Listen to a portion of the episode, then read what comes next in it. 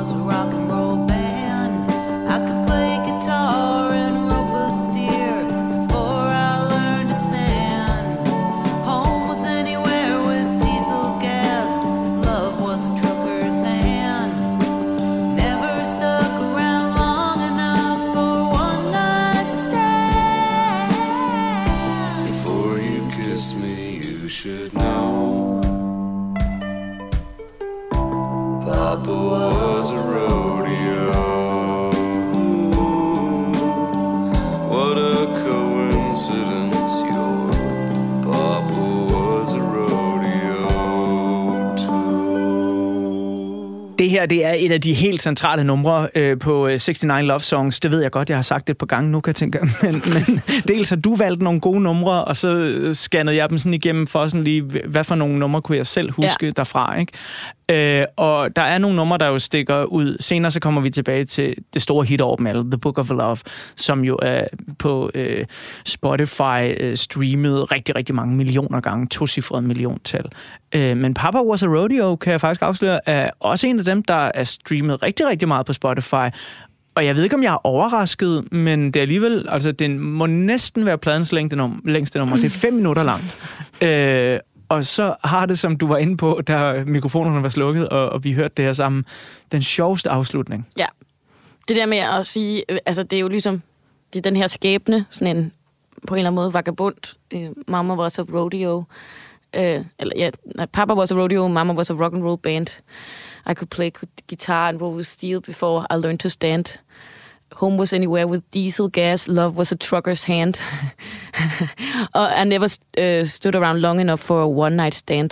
Og så, sådan, så er der ligesom så er det jo faktisk en, en dejlig romantisk historie, fordi så møder personen en, der hvis pappa også var en rodeo. ja, det er bare så smukt, så passer ja. vi jo sammen. Og så siger han ligesom til sidst, tu, hvis vi lige var i tvivl om, hvad der skete. og, og det er jo sådan, det er jo den der sådan uperfekte øh, måde at skrive de der sange på, hvor det bliver sådan lidt, skulle du virkelig have det der tu med i den Ja, sang? ja, ja. Men det skulle der.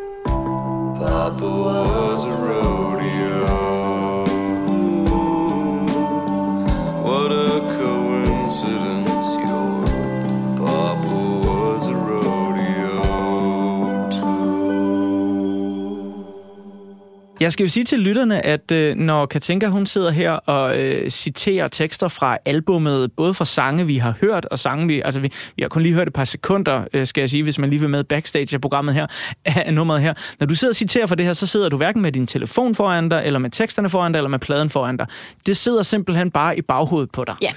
Det synes jeg er vildt fedt, at der stadig er folk, der har hjernekapacitet til det. Men jeg tror også, at det er også det, der gør, at der ikke er plads til så meget andet. Altså, jeg kan ikke, altså, jeg kan ikke regne, om det så galt mit liv. Og jeg, altså, der er så mange ting, jeg kan huske. Men jeg kan huske øh, reklame-jingles fra øh, 90, slut 90'erne. Altså, altså, det er bare sådan en rim og ramser og sådan noget. Så det er sådan en, det er ligesom...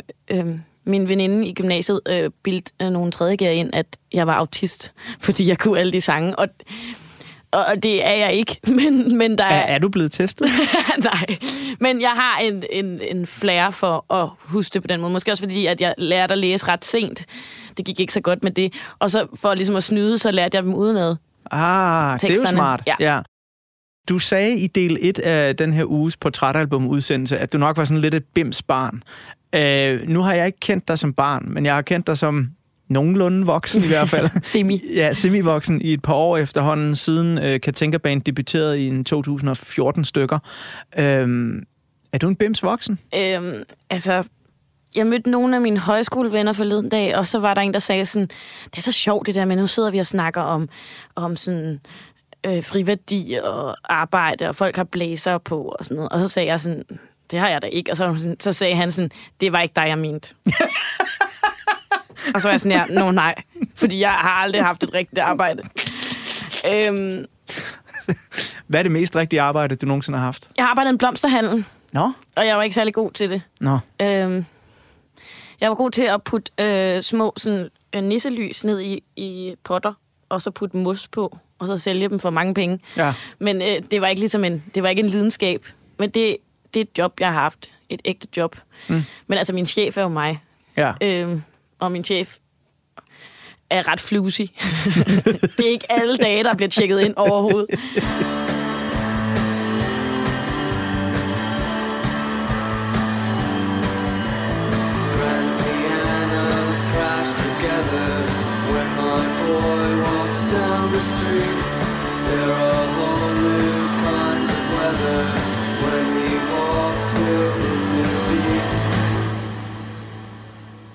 Øh, skal øh, senere i den her del af portrætalbum øh, tegne øh, et portræt af selve albumet 69 Love Songs, øh, som øh, du har valgt som det album, der, der, der skal hjælpe os med til at forstå, hvem du er som menneske og musiker.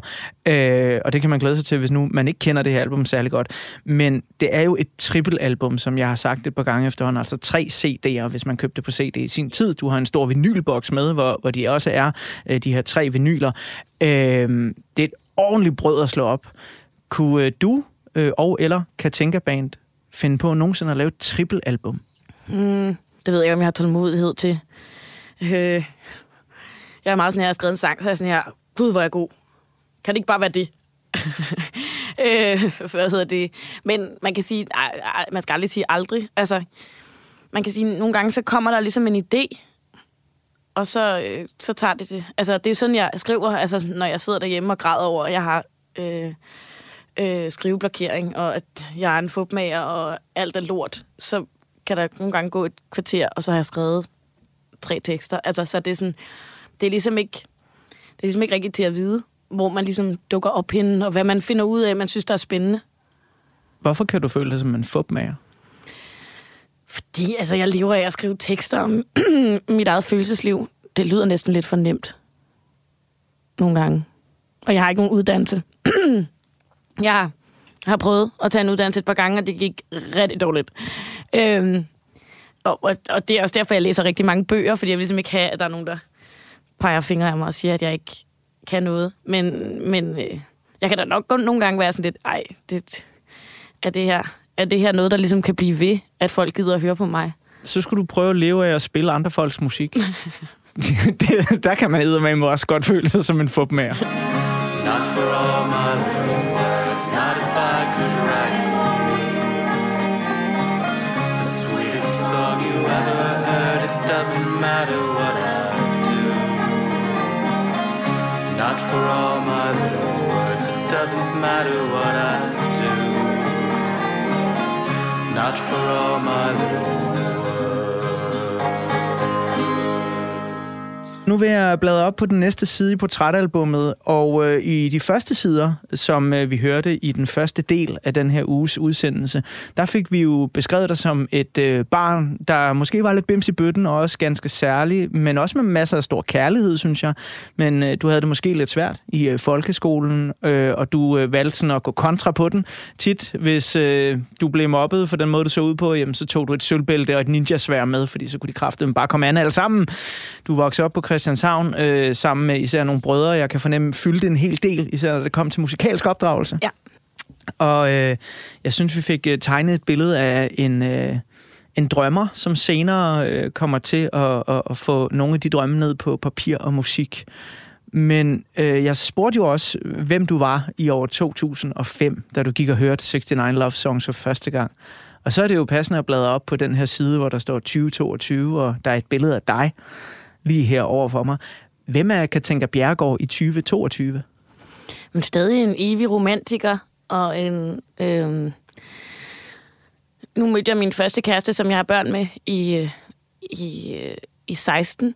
Øhm, Og, Og- altså, det, det var din første kæreste nogensinde? Ja, Ham har du tvillinger med nu? ja. Øhm, og jeg tænkte, jeg tænkte sådan her, ham holder fast i, fordi han vil gerne være sammen med mig. Så tænker jeg bare, så tager jeg ham. det var en god beslutning. Ja. Men, øh, men øh, så er det ham, der har lært mig ligesom alt om den der kærlighed, der ligesom er der i rummet. Øh, fordi jeg før i tiden, så havde jeg bare kastet over Og sad alene og skrev om det. Øhm, og det er meget nemt at skrive kærlighedssange om, om kærlighed, der ikke er der. Fordi så kan man virkelig være forelsket. Så kan man virkelig mene det, når man ikke kender folk. Øhm, det er lidt noget andet, øh, når man ligesom er i det, og man skal, man skal se alle hinandens grimme sider også. Øhm, øh, så jeg, jeg synes, øh, altså når jeg hører hørt det her album, så vækker det helt vildt meget genklang også i, altså øh, det liv, jeg har nu, hvor at kærlighed ikke kun er, er nemt og, og let, det er også rodet og beskidt og alt muligt øh, der øh, midt imellem. Og en masse tvivl og en masse sådan, hvor man tænker, at kæft mand, jeg viser virkelig ikke min, den bedste udgave af mig selv til dig, som egentlig fortjener den. Øhm, men det er jo bare sådan min hobby, og, og, og holde fast i at snakke om, hvad kærlighed er, og kærlighed i de små hverdagsting, og kærlighed i det store. Øh, og der kan det her album jo lige præcis det her også. Men det liv, du fører her i 2022, giver det stadig brændstof til dine egne sange? Ja, altså, øh, jeg kan huske, at jeg var meget sådan, da jeg mødte min kæreste, at jeg var meget i tvivl om, om jeg kunne skrive sange. Altså, hvordan skriver man sange, når man har en kæreste? Øh, og så var jeg sådan, så, altså, så var det sådan lidt, Nå, men hvis jeg ikke kan det, så er jeg bare ikke nok en god sangskriver. Altså, fordi det er et håndværk. Det er jo, en, det er jo ikke bare sådan, det er jo ikke magi, eller sådan, det er ikke, det er ikke alt sammen er bundet fuldstændig, øh, at det starter på en følelse. Det kan også være startet på en idé. Øh, så for mig var det meget sådan vigtigt for mig at kunne vise mig selv, at, at jeg godt kan skrive på alt muligt, og være inspireret af mange forskellige ting. Øh, også helt klart bruge øh, mit rode liv som øh, tvillingemor som afsæt, men også alt muligt andet, alt muligt andet kunst og, og, øh, og, ja, og sange om kærlighed.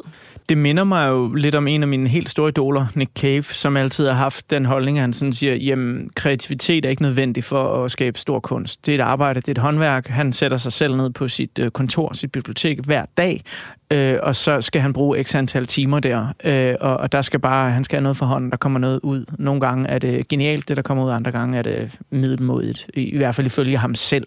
Har, har, har du en metode?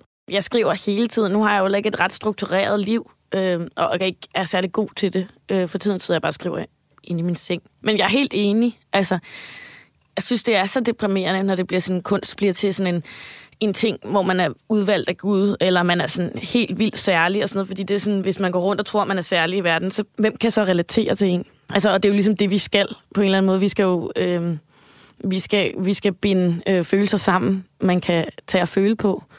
Og det er for mig både altså, et håndværk og, og en hobby. Og derfor så læser jeg helt vildt meget øh, litteratur, øh, meget poesi og meget sådan, forskelligt for at få, få... Jeg tror ikke på, at der kommer ord ud, hvis der ikke kommer ord ind. The book of love is long and boring. No one can lift the damn thing. It's full of charts and facts and figures instructions for dancing. But I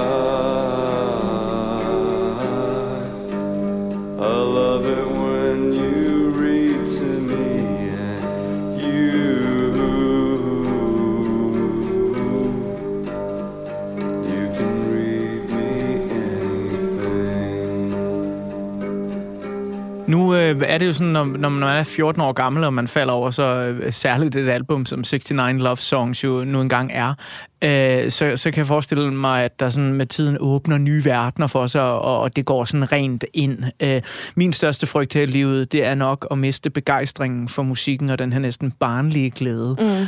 Har musikken den samme kraft til at at røre dig her i 2022, som det havde tilbage i 2005? Altså, nu var jeg til Magnetic Fields koncert for to uger siden, og jeg blev ekstremt rørt. Og jeg ved ikke helt, om mine veninder, jeg havde med, der forstod det. Men jeg blev meget rørt, og jeg følte, det, sådan, det talte helt vildt meget til mig, fordi nogle gange, så for mig, så kan det godt, så kan det godt rode øh, hele de der store koncerter. Jeg kan godt lide det der, det der med, det, det, er, bare, det er bare teksterne og nogle sange øh, på en ukulele og en guitar, som I lige skal høre, og så kan I tage det med hjem, I gerne vil have. Der er ikke så meget sådan, man er ikke sådan sansemættet, man får lov til ligesom at, at vælge øh, selv, hvad man tager med. Det er ligesom, det er det, der er fokus. Det er sangene, der er ikke noget, der er ikke noget andet underholdning i det. Og det kan godt være, at jeg lyder lidt konservativ, men, men, øh, og lidt gammeldags, men jeg kan bare virkelig godt lide sådan noget.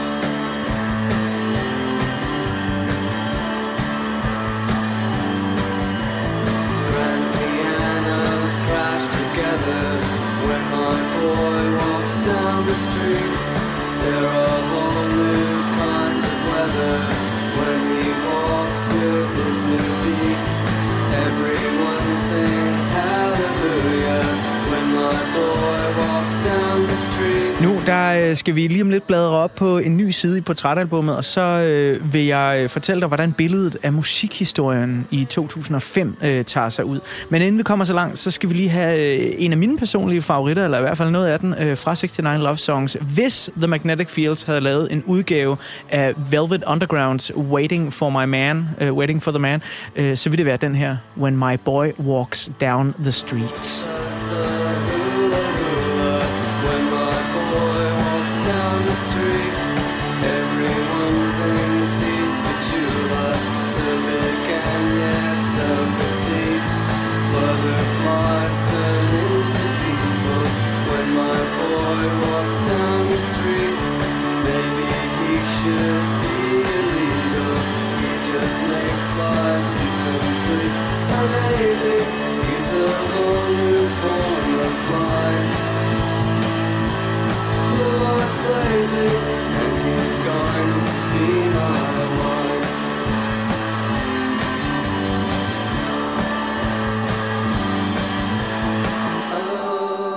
Midten af nullerne er musikscenerne i Europa og USA præget af gamle stjerners fald fra tinderne, nye alternative bølger, samt både gode og virkelig irriterende superhits. Michael Jackson får afgjort en del af sin juridiske skæbne, da en amerikansk jury efter syv dages grundige overvejelser vælger at frikende ham for alle de 10 punkter om seksuelle overgreb, som han stod anklaget for. We, the jury in the above entitled case, find the defendant not guilty Men når en stor amerikansk stjerne fader ud, står en ny ofte klar i kulissen. Og 2005 bliver et stort år for rapperen Kanye West, som udgiver hans spraglede, men også meget stilsikre andet album, Late Registration. Derudover så bør det nævnes, at navne som LCD Sound System og Animal Collective gør art rock-genren mere flydende og dansabel, alt imens årets bedste albumværker nok tilhører spændende skæve navne, såsom Anthony and the Johnsons, der udgiver I Am a Bird Now, og Sufjan Stevens, der brillerer med hovedværket Illinois.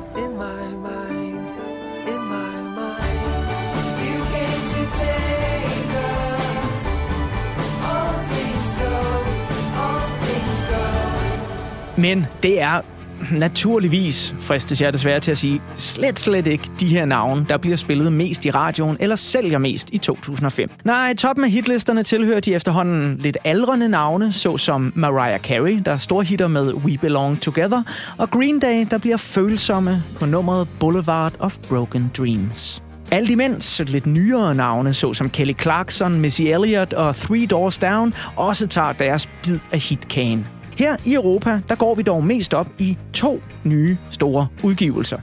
Engelske Coldplays nye album X and Y, og så verdens mest enerverende, irriterende, internets skraldespands svenskerfænomen, Crazy Frog, som hitter stort med det totalt ligegyldige nummer Axel F. What's going on?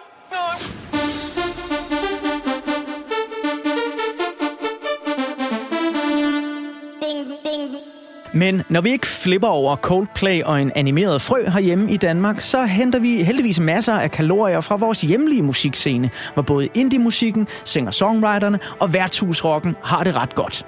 Da Danish Music Awards hylder 2005-udgivelserne ved prisuddelingen året efter, så bliver årets danske sangerinde, Tina Dikov. Magtens Korridor befinder sig i et lorteparforhold, men får alligevel en statuette med hjem som årets nye danske navn. TV2 vender ret stærkt tilbage med det Thomas Troelsen producerede album De Første Kærester på Månen, som de vinder årets danske hit og årets danske popudgivelse for. Men i 2005 er der især ét dansk band, som løber med de flestes opmærksomhed. Mew udsender storværket And the Glass-Handed Kites.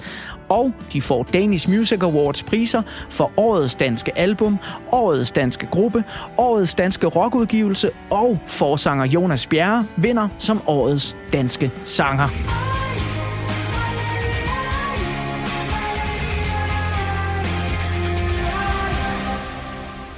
Men hvorvidt ugens gæst her i Portrætalbum, musiker Katinka Bjerregaard, hun var mest til den skøre animerede frø, Magtens Korridors Bodega Rock eller Muse små indie-perler, ja, det må du lige vente lidt med at få at vide, fordi vi skal først høre et af de numre, som hun har udvalgt fra The Magnetic Fields formidable album 69 Love Songs. Det her, det er den korte, men rigtig gode Reno Dakota. Reno, Dakota, there's not an iota of kindness in you. You know you enthrall me, and yet you don't call me, it's making me blue. Pantone 292. Reno, Dakota, I'm reaching my quota of tears for the year. Alas and alack, you just don't call me back, you have just disappeared. It makes me drink beer. I know you're a recluse, you know that's no excuse, Reno, that's just a ruse. Do not play fast and loose with my heart. Reno, Dakota, I'm no Nino Rhoda, I don't know the score. Have I annoyed you, or is there a boy who, well, he's just a whore? I've had him before, it makes me drink more. Det her, det var nummeret Reno Dakota. Endnu en af de der tekster øh, og numre, som øh, du kan uden ad, øh, kan tænke Bjergård. Det er en fornøjelse at have dig med i studiet og mærke så stor kærlighed stadigvæk til 69 Love Songs. Fordi jeg skal også indrømme, at, at noget af det, jeg gerne ville sådan spørge om i løbet af udsendelsen her, var sådan, øh, er du stadig inde i det her album, eller er det bare en teen-forelskelse? Men det tror jeg bare, jeg dropper det spørgsmål, for det er fuldstændig overflødigt. øhm, I 2005, der sker der jo en masse øh, på musikscenen, øh, i hvert fald sådan her i Danmark. Det er nok den, jeg har mest fokus på, fordi Ja. ude i det store udland, der er jeg sådan lidt... øh, Jeg er ret stor Green Day-fan selv, så jeg var glad for Boulevard of Broken Dreams og sådan noget. Ikke? Øh, men er der noget af det, jeg øh, sådan øh, gav et lille overblik over her i musikhistorien, som øh, du havde et forhold til i 2005? Altså, jeg var utrolig tabt bag en vogn. Det, skal, det være det første at sige. Altså, sådan, det, jeg var lige kommet over min ABBA-periode, så det var sådan, jeg, jeg har aldrig rigtig haft sådan en rigtig god tidsfornemmelse omkring, hvad for nogle bands, man skulle kaste sin kærlighed på. Men jeg har hørt Mew, og jeg er lidt stolt af det. Jeg var sådan, ja, der er, der er et band, jeg har hørt. Ja. øh, men ikke sådan, altså jeg, jeg ved ikke, jeg, jeg tror nogle gange, at, at, ja, at det var sådan, at jeg ligesom hele tiden vendte tilbage til at kigge sådan tilbage i tiden. Altså, var mere øh, fokuseret på det øh, egentlig, end at kigge frem. Øh, og, det, og når, jeg, når jeg hører de der navne, du nævner, så bliver jeg sådan, nå ja, nå ja. Altså, jeg troede helt klart, at det, de første kærester på månen, det var de første kærester på munden. Det tog mig virkelig lang tid at fatte, at det ikke var det. Jeg synes, det var meget sødt sådan. Og jeg der var så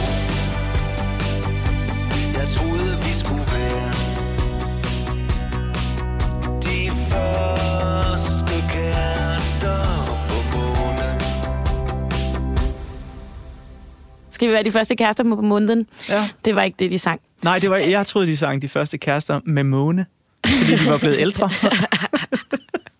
Eller også var, var det bare noget, vi... Altså, det her det er jo året, hvor jeg øh, bliver udklækket som vaskeægte musiksnop. Mm, øh, tror jeg. ja. Jeg arbejder i en pladebutik øh, på Østerbro, i København, og, og føler mig meget sådan holier than thou. Ja. Øh, jeg er fuldstændig øh, den karakter, som, nu ved jeg ikke, om du har set filmen High Fidelity, Ja. men den karakter Jack Black, Yes. han spiller, Ja. øh, det var mig i 2005. Holy shit! What the fuck is that? It's the new Belle and Sebastian. That It's the record we've been listening to and enjoying, Barry.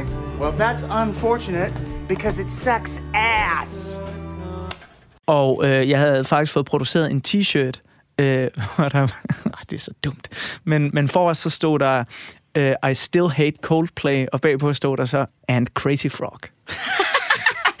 ja, det var mig Ja. øh, i 2005. Øh, kan du huske den der fucking frø? Ja, det kan jeg godt. Ja. Det sagde mig ikke en skid. Øhm, Ej, det er jeg glad for Jeg havde en t-shirt, hvor der står, Here comes trouble på.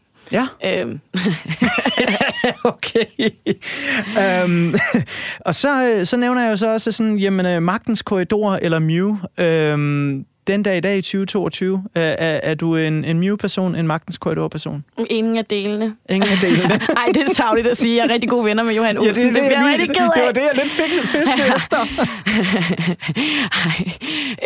ej, ej, øh, øh, ej, nu kender jeg rigtig meget. Altså, jeg, igen det der med at komme ind sådan lidt, øh, altså, lidt sent i de der øh, ting. Øh, men Magtens Korridor har betydet meget for mig, øh, som, men som voksen musiker, fordi at, at det var et band, der ligesom bare sådan, var virkelig øh, søde, og de er virkelig mærkelige og meget sådan øh, rummende, rummelige. De er meget sådan, de har det mærkeligste entourage, og øh, de var meget sådan, bare kom med, kan jeg tænke. Øh, jeg kan huske, jeg bagte muffins til dem, jeg ved ikke, hvad der skete. Øh, og sådan, så øh, på den måde sådan, har jeg helt vildt meget kærlighed til, til dem og til deres musik, fordi jeg synes, de er så, de er så usnoppet.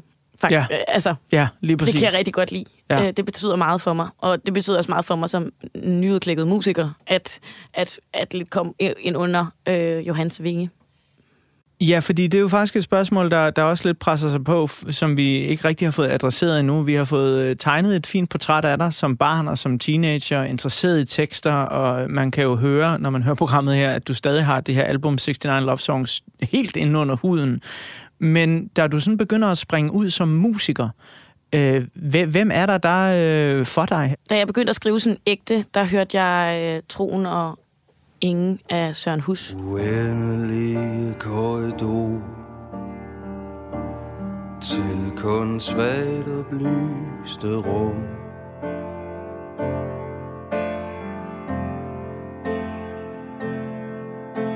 Umulige distancer begrænset intellekt.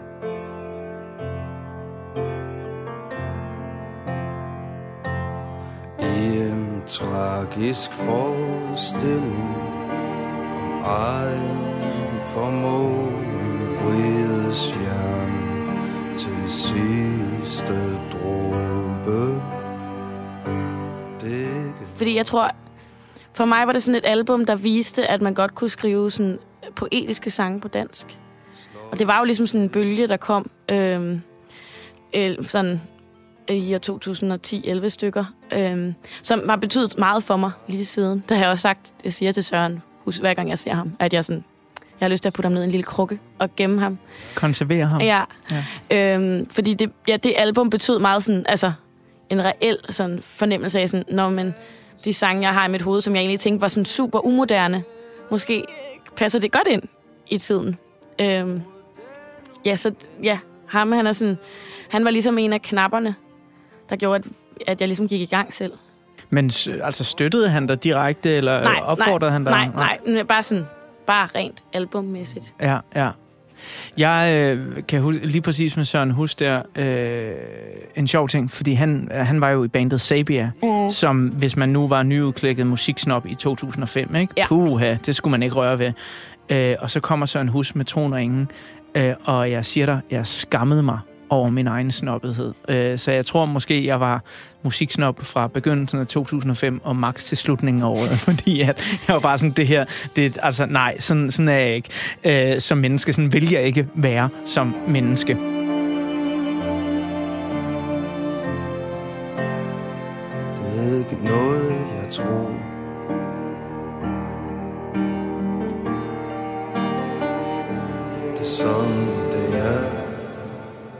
Katinka, der er et øh, spørgsmål, som, eller der er flere spørgsmål, jeg tit vender tilbage til, øh, når jeg bladrer rundt i siderne af portrætalbummet. Men et af dem, som sådan har været en nogenlunde konstant siden det her program begyndte i øh, januar øh, 2022. Det er fascinationen af det, som man kan kalde det historiske fikspunkt. Øh, og jeg plejer at bruge et citat af digteren og forfatteren Søren Ulrik Thomsen, som har beskrevet det meget fint, fordi at jeg tror, alle har nogle historiske fikspunkter. Men jeg kunne lige tænke mig at øh, læse begyndelsen af hans øh, essaysamling Stor Kongsgade 23 op for dig.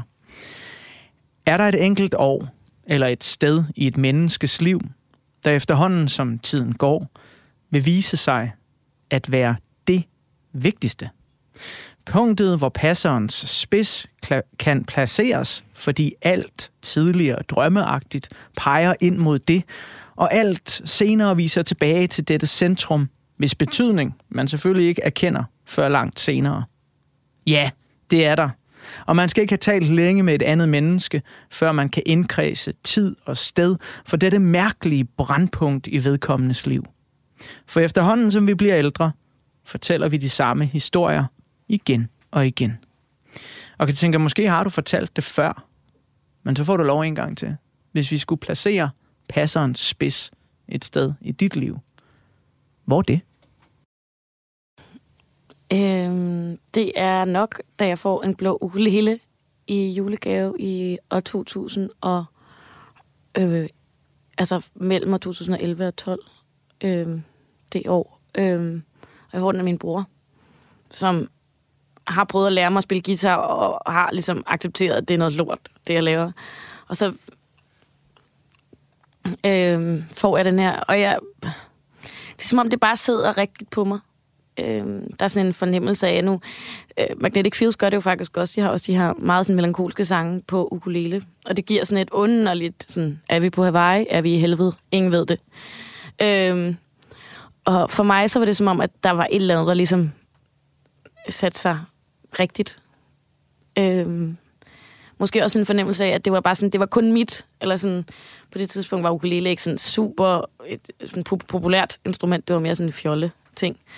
Øhm, men det der med, at jeg bare altid kunne tage den med, og bare sidde og skrive, hvor jeg havde lyst til, og på gader og stræder, og, og altså på banegård og, og sådan noget. Det, det, jeg følte mig meget, lige pludselig så følte jeg, at, jeg sådan, at der var en ensomhed, der blev taget fra mig der. At der var et eller andet, jeg sådan kunne gøre for mig selv, som ikke handlede om andre, men som handlede bare om mig.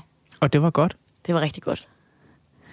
Øhm, altså det var sådan, det kom jo senere, så fandt jeg jo, altså så var der lige pludselig nogen, der gerne ville høre sangene og sådan noget, men helt fra start af, da jeg skrev rundt og rundt, og du rejser ukendte digte og forgroninger, jeg skrev dem bare til mig selv. Det var ikke til andre. Det var bare til mig og den blå ukulele. Solen den skinner, så lad dog være.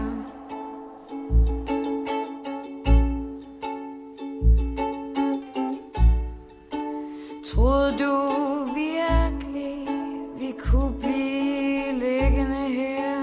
Hvem øh, var så med til at skubbe de sange videre og sige, kan tænke, at det her det er ikke bare til dig og din blå ukulele? Det var min bedste veninde, Laura, øh, som var den eneste, der nærmest fik lov til at høre sangene. Øh, og hun var sådan, det her kan et eller andet. Du kan ikke rigtig noget, men det her kan. Hvad mente hun med det? Jeg var bare sådan, det var virkelig... Jeg gjorde også nærmest sådan lidt en dyd ud af at ikke stemme ukulelen, før jeg spillede på den. Jeg har virkelig været træls, egentlig. Men det, det lagde jeg ikke mærke til, fordi jeg tænkte på noget andet. Hvordan ordene skulle ligesom passe ind og sådan noget. Så hun fik ligesom presset mig til at vise det til Simon Ask. Øhm, ja. Som du stadig spiller sammen med? Ja. Øhm, jeg er ret fascineret af det her med, at du får sådan et rum, hvor, hvor ensomheden går væk. Det, altså nu, nu har vi snakket om det her med, at du var sådan lidt bims barn, og, og jeg spurgte sådan halvt i sjov tidligere, om, om du havde en autisme-diagnose. øhm, fordi altså, jeg elsker den der bimshed, men den der blå ukulele, det virker lidt, når du, når du beskriver den sådan, som, som hvis øh, folk får en fidget spinner. Altså sådan et eller andet, Ja. der bare sætter fokus i verden og system i tingene. Ja, og det var jo også helt klart, det var den måde, jeg startede med at skrive. Det var ligesom altså simpelthen for at få organiseret et eller andet i mit hoved, som jeg slet ikke kunne styre. Øhm, og så gav det en eller anden en fornemmelse af ro lige et kort sekund, når det stod på papiret, og det, er sådan, det var bare mit. Jeg skulle ikke vise det til en lærer, der skulle analysere det, eller sige, at det var dårligt eller godt, og jeg, skulle ikke, jeg gjorde det ikke for at imponere en dreng, eller for at komme ind i et fællesskab. Det var bare til mig.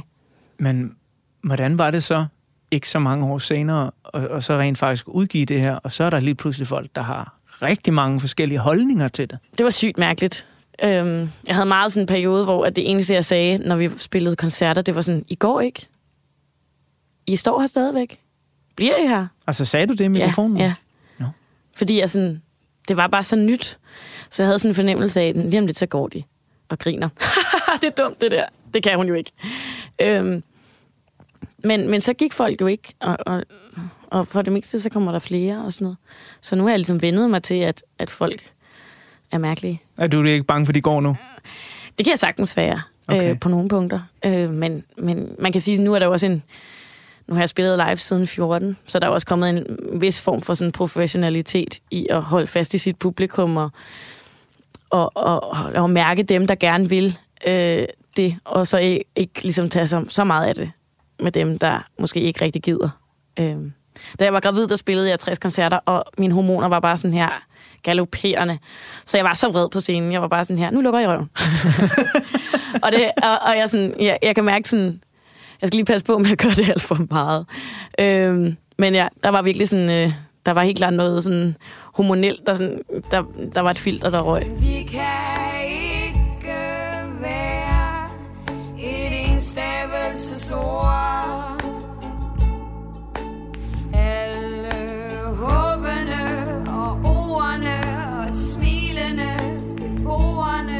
Vi fortsætter portrættet af Katinka lige om lidt. Men lige nu, der bladrer vi om på portrætalbummets næste side, hvor der er et billede af 69 Love Songs. Og 69 Love Songs er uden tvivl The Magnetic Fields kunstneriske hovedværk, og det album, som enhver god pladebutik med respekt for sig selv, vil anbefale dig, hvis du nu kun måtte høre et album med The Magnetic Fields. Men hvordan gik det egentlig til, at frontmand Stephen Merritt besluttede sig for at skrive hele 69 sange om kærlighed? Uanset om du kender svaret på det spørgsmål eller ej, så får du her et kort overblik med nogle af de vigtigste facts om albummet. Som så mange andre gode historier, så starter historien om 69 Love Songs på det, der på amerikansk kaldes for en gay piano bar. Altså slet og ret på gammeldags dansk. En bøssebar med levende klavermusik. Her sidder vores hovedperson Stephen Merritt og drømmer om at lave musikalsk teater i form af en dragshow-revy. Og så vil han skrive intet mindre end 100 sange om kærlighed til sin revy. Men jo mere Steven fik at drikke, desto mere uoverkommeligt forekom det ham at skulle skrive 100 sange. Derfor så begrænsede han sig og endte på kærlighedstallet 69. Should time allow us to describe our prowess, it would be quite hard to overrate. For we are the king of the boudoir, old thing, and the king doesn't like to wait. One tryst with me, and you'll be spinning like a gyroscope. One tryst with me, and you'll be Pope. For Stephen Merritt var det vigtigt at understrege, at han ikke havde lavet et album med 69 sange, der handlede om kærlighed. Nej, han havde lavet 69 sange, der handlede om kærlighedssange. Og det er, ifølge ham selv, noget helt andet. Det betyder blandt andet, at der er masser af typisk merit, ironi og humor på albummet, hvor man eksempelvis finder sangen Yeah, Oh Yeah, der handler om ulykkelig kærlighed og en mand, der slår sin kone ihjel.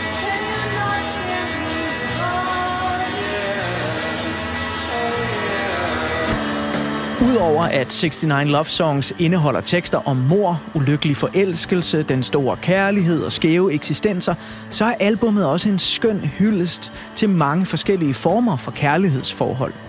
I løbet af de 69 sange bliver der sunget om både homoseksuel, heteroseksuel og biseksuel kærlighed imellem mange forskellige typer af mennesker og køn. Amazing,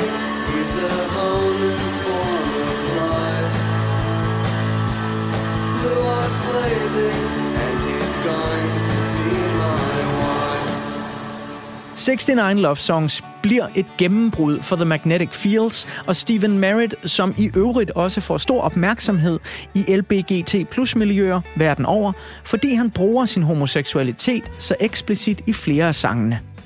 Så 69 Love Songs er altså også historien om et underdog-album, lavet af et underdog-band, der til trods for, at deres værk vælter rundt i meget forskellige musikalske udtryk, såsom country, synthpop, rock og free jazz, alligevel formår at få et rimelig stort publikum og at imponere klassiske musikmedier, såsom Rolling Stone og NME, der igennem årene igen og igen fremhæver det her album på deres lister over de vigtigste albums i musikhistorien. So we got married in Venice in June. So what? We circled the earth in a hot air balloon. So what? And the rest of our lives is one long honeymoon. Well, that doesn't mean we're in love. The Magnetic Fields og deres 69 Love Songs inspirerer et væld af forskellige musikere. Bandet Arcade Fire har fremhævet dem ved flere lejligheder, ligesom selveste Peter Gabriel har lavet en skøn coverversion af et af albumets stærkeste numre. Og det er også et nummer, som står ugens gæst her i Portrætalbum, Katinka Bjergård, meget nært. Så her, der får du naturligvis originaludgaven, The Book of Love.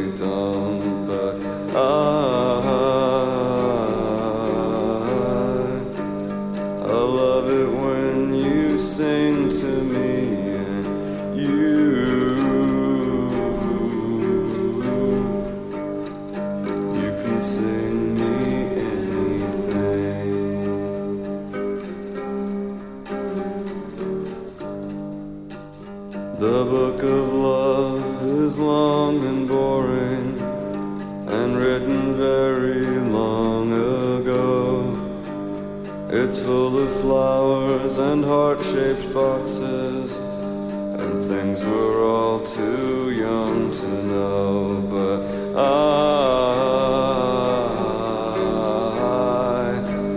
I love it when you give me things and you, you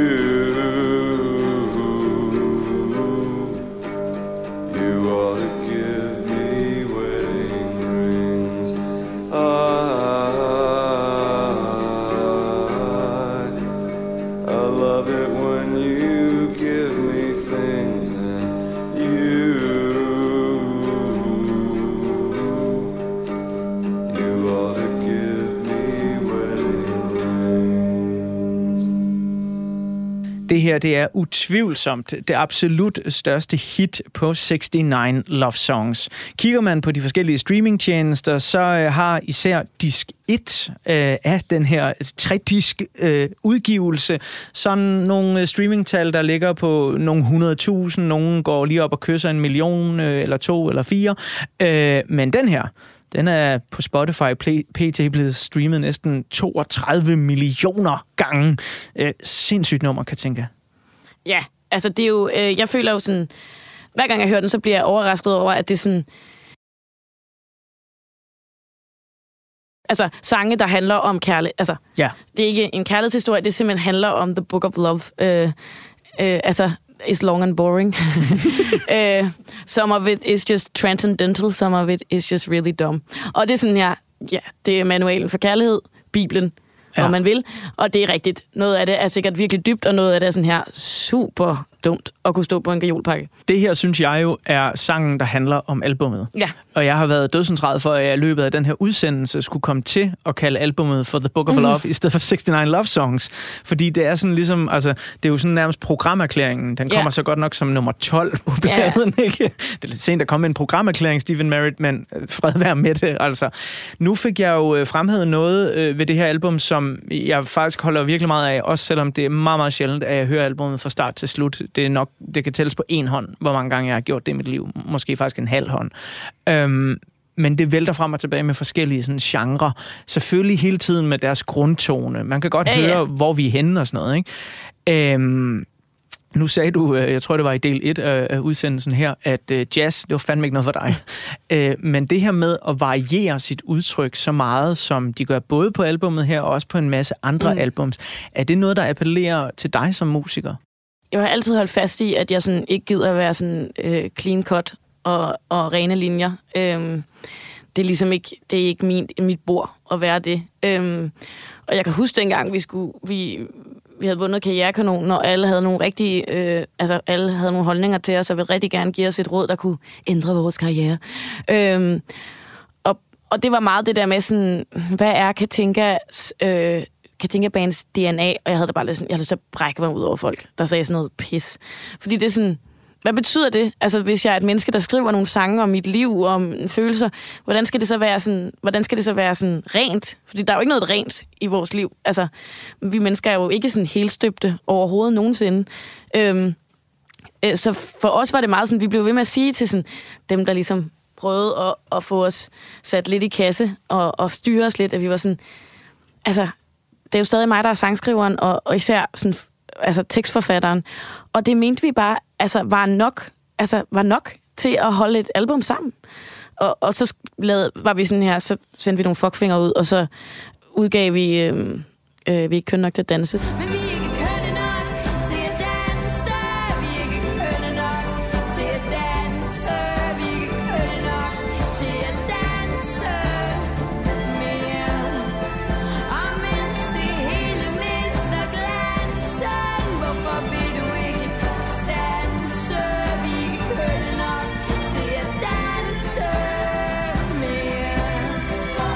altså et album, der fik gode anmeldelser. Det var sådan dejligt, fordi det var sådan en fornemmelse af sådan... Altså, det er sådan lidt svært, det der med autoriteter, fordi man er sådan, jeg ved godt, I siger det der, og I har meget mere erfaring, men vi tror altså, vi har ret. Og det havde vi så også heldigvis. Og, og det er måske også lidt... Altså, det er måske også derfor, jeg har bare sådan en kæmpe kærlighed til det her album, fordi det er sådan... Det kan man ikke fange ind øh, bare sådan lige. Altså, der, du skal nok blive overrasket over, at der er en... Altså, altså, my girl is the queen of the savages. Altså, du skal nok blive overrasket hele tiden om, hvad det er for nogle sange, han får ligesom med i den her. Nu øh, spurgte jeg jo lige før, om øh, du kunne forestille dig at lave et album, øh, som fyldte tre CD'er, hvor der er 69 sange på, og du sagde sådan, ah, jeg ved ikke lige om tålmodigheden, den vil række til det. Men det her er jo så også øh, et ret konceptualiseret album. Altså, der er et rent koncept igennem. Ja. Det er 69 øh, kærlighedssange, eller sange om kærlighedssange. Et konceptalbum, er det appellerende? Meget. Øhm, det er meget sådan et, jeg synes, det er sådan mastodonter, de der konceptalbum, som jeg har dyrket. Øhm, for eksempel øhm, Arcade Fire, The Suburbs, synes jeg er sådan en af de største konceptalbums. Så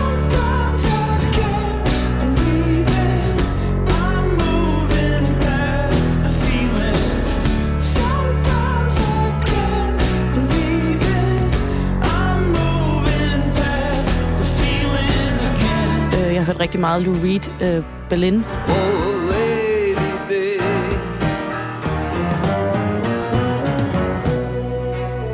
som ligesom aldrig blev den musical, han drømte om, det skulle blive. Men så det, altså, det der med at fortælle en historie, øh, og også måske altså, trykke noget teatralsk, øh, og ikke at være bange for at, ligesom at give den gas. Øh, nu er jeg også sådan en, der græder hver gang jeg ser musicals og Glee og sådan noget. Det er så pinligt. Øh, så det, det, det kunne jeg godt drømme om at gøre. Altså at lave sådan en, en fortælling. Men det der med, når man har en fortælling, så kan man jo så også gøre rigtig meget inden under det. Hvad, hvad har du ikke nået endnu, som, som du sådan drømmer om at nå? Altså nu tænker jeg ikke på sådan at øh, nå et eller andet mål med en plade, at den, hvad ved jeg, øh, vinder en... Øh, Ja, det tror jeg ikke på. Øh, nej, wha- whatever det kan være. Ja. Men, men hvad, hvad, hvad er det, du... Altså sidder du og tænker sådan, øh, jeg, jeg vil gerne skrive en film, eller jeg vil gerne øh, selv optræde på teater? Det har jeg jo også gjort. Jeg har optrådt på teater to gange, og synes, det er rigtig sjovt. Altså, hvor jeg også skulle skrive nogle sange, om der ikke var handlet om mig. Og det var sådan en...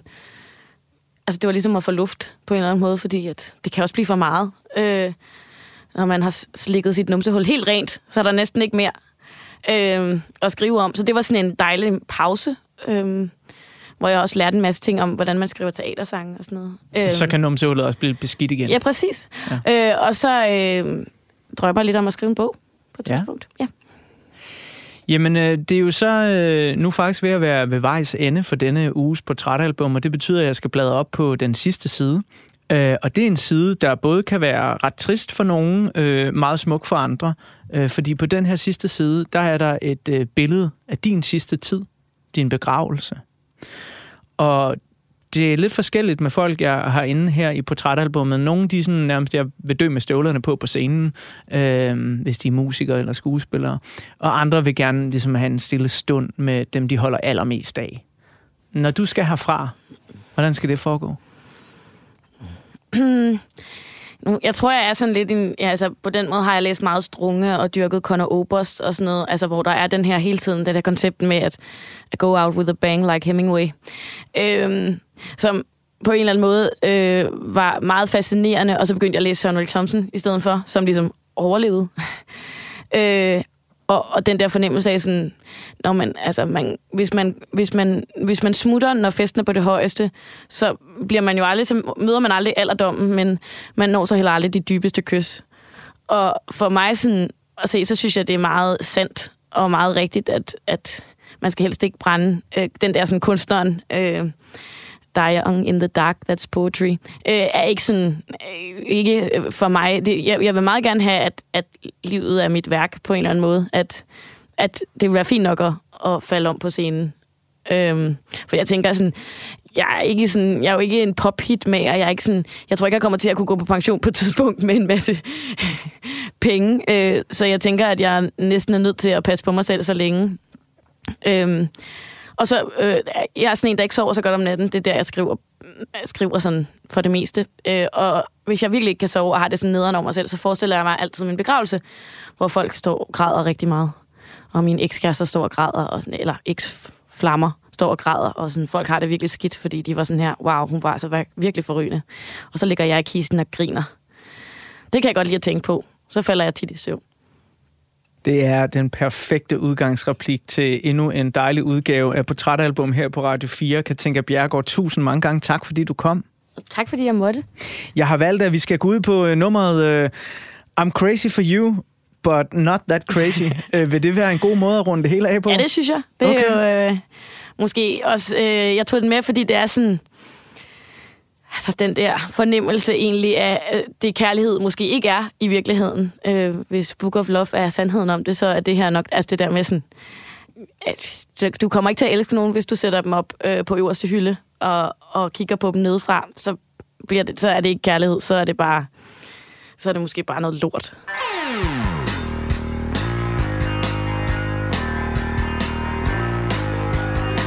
I built a ship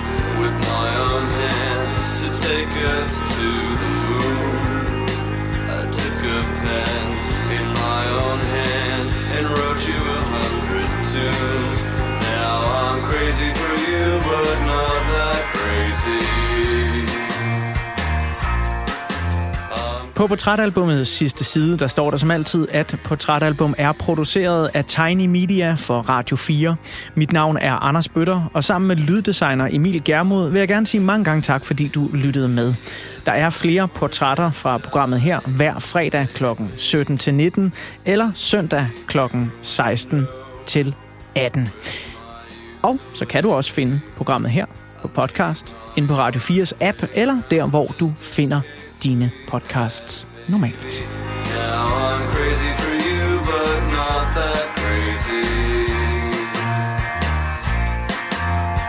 crazy for you, but not that crazy.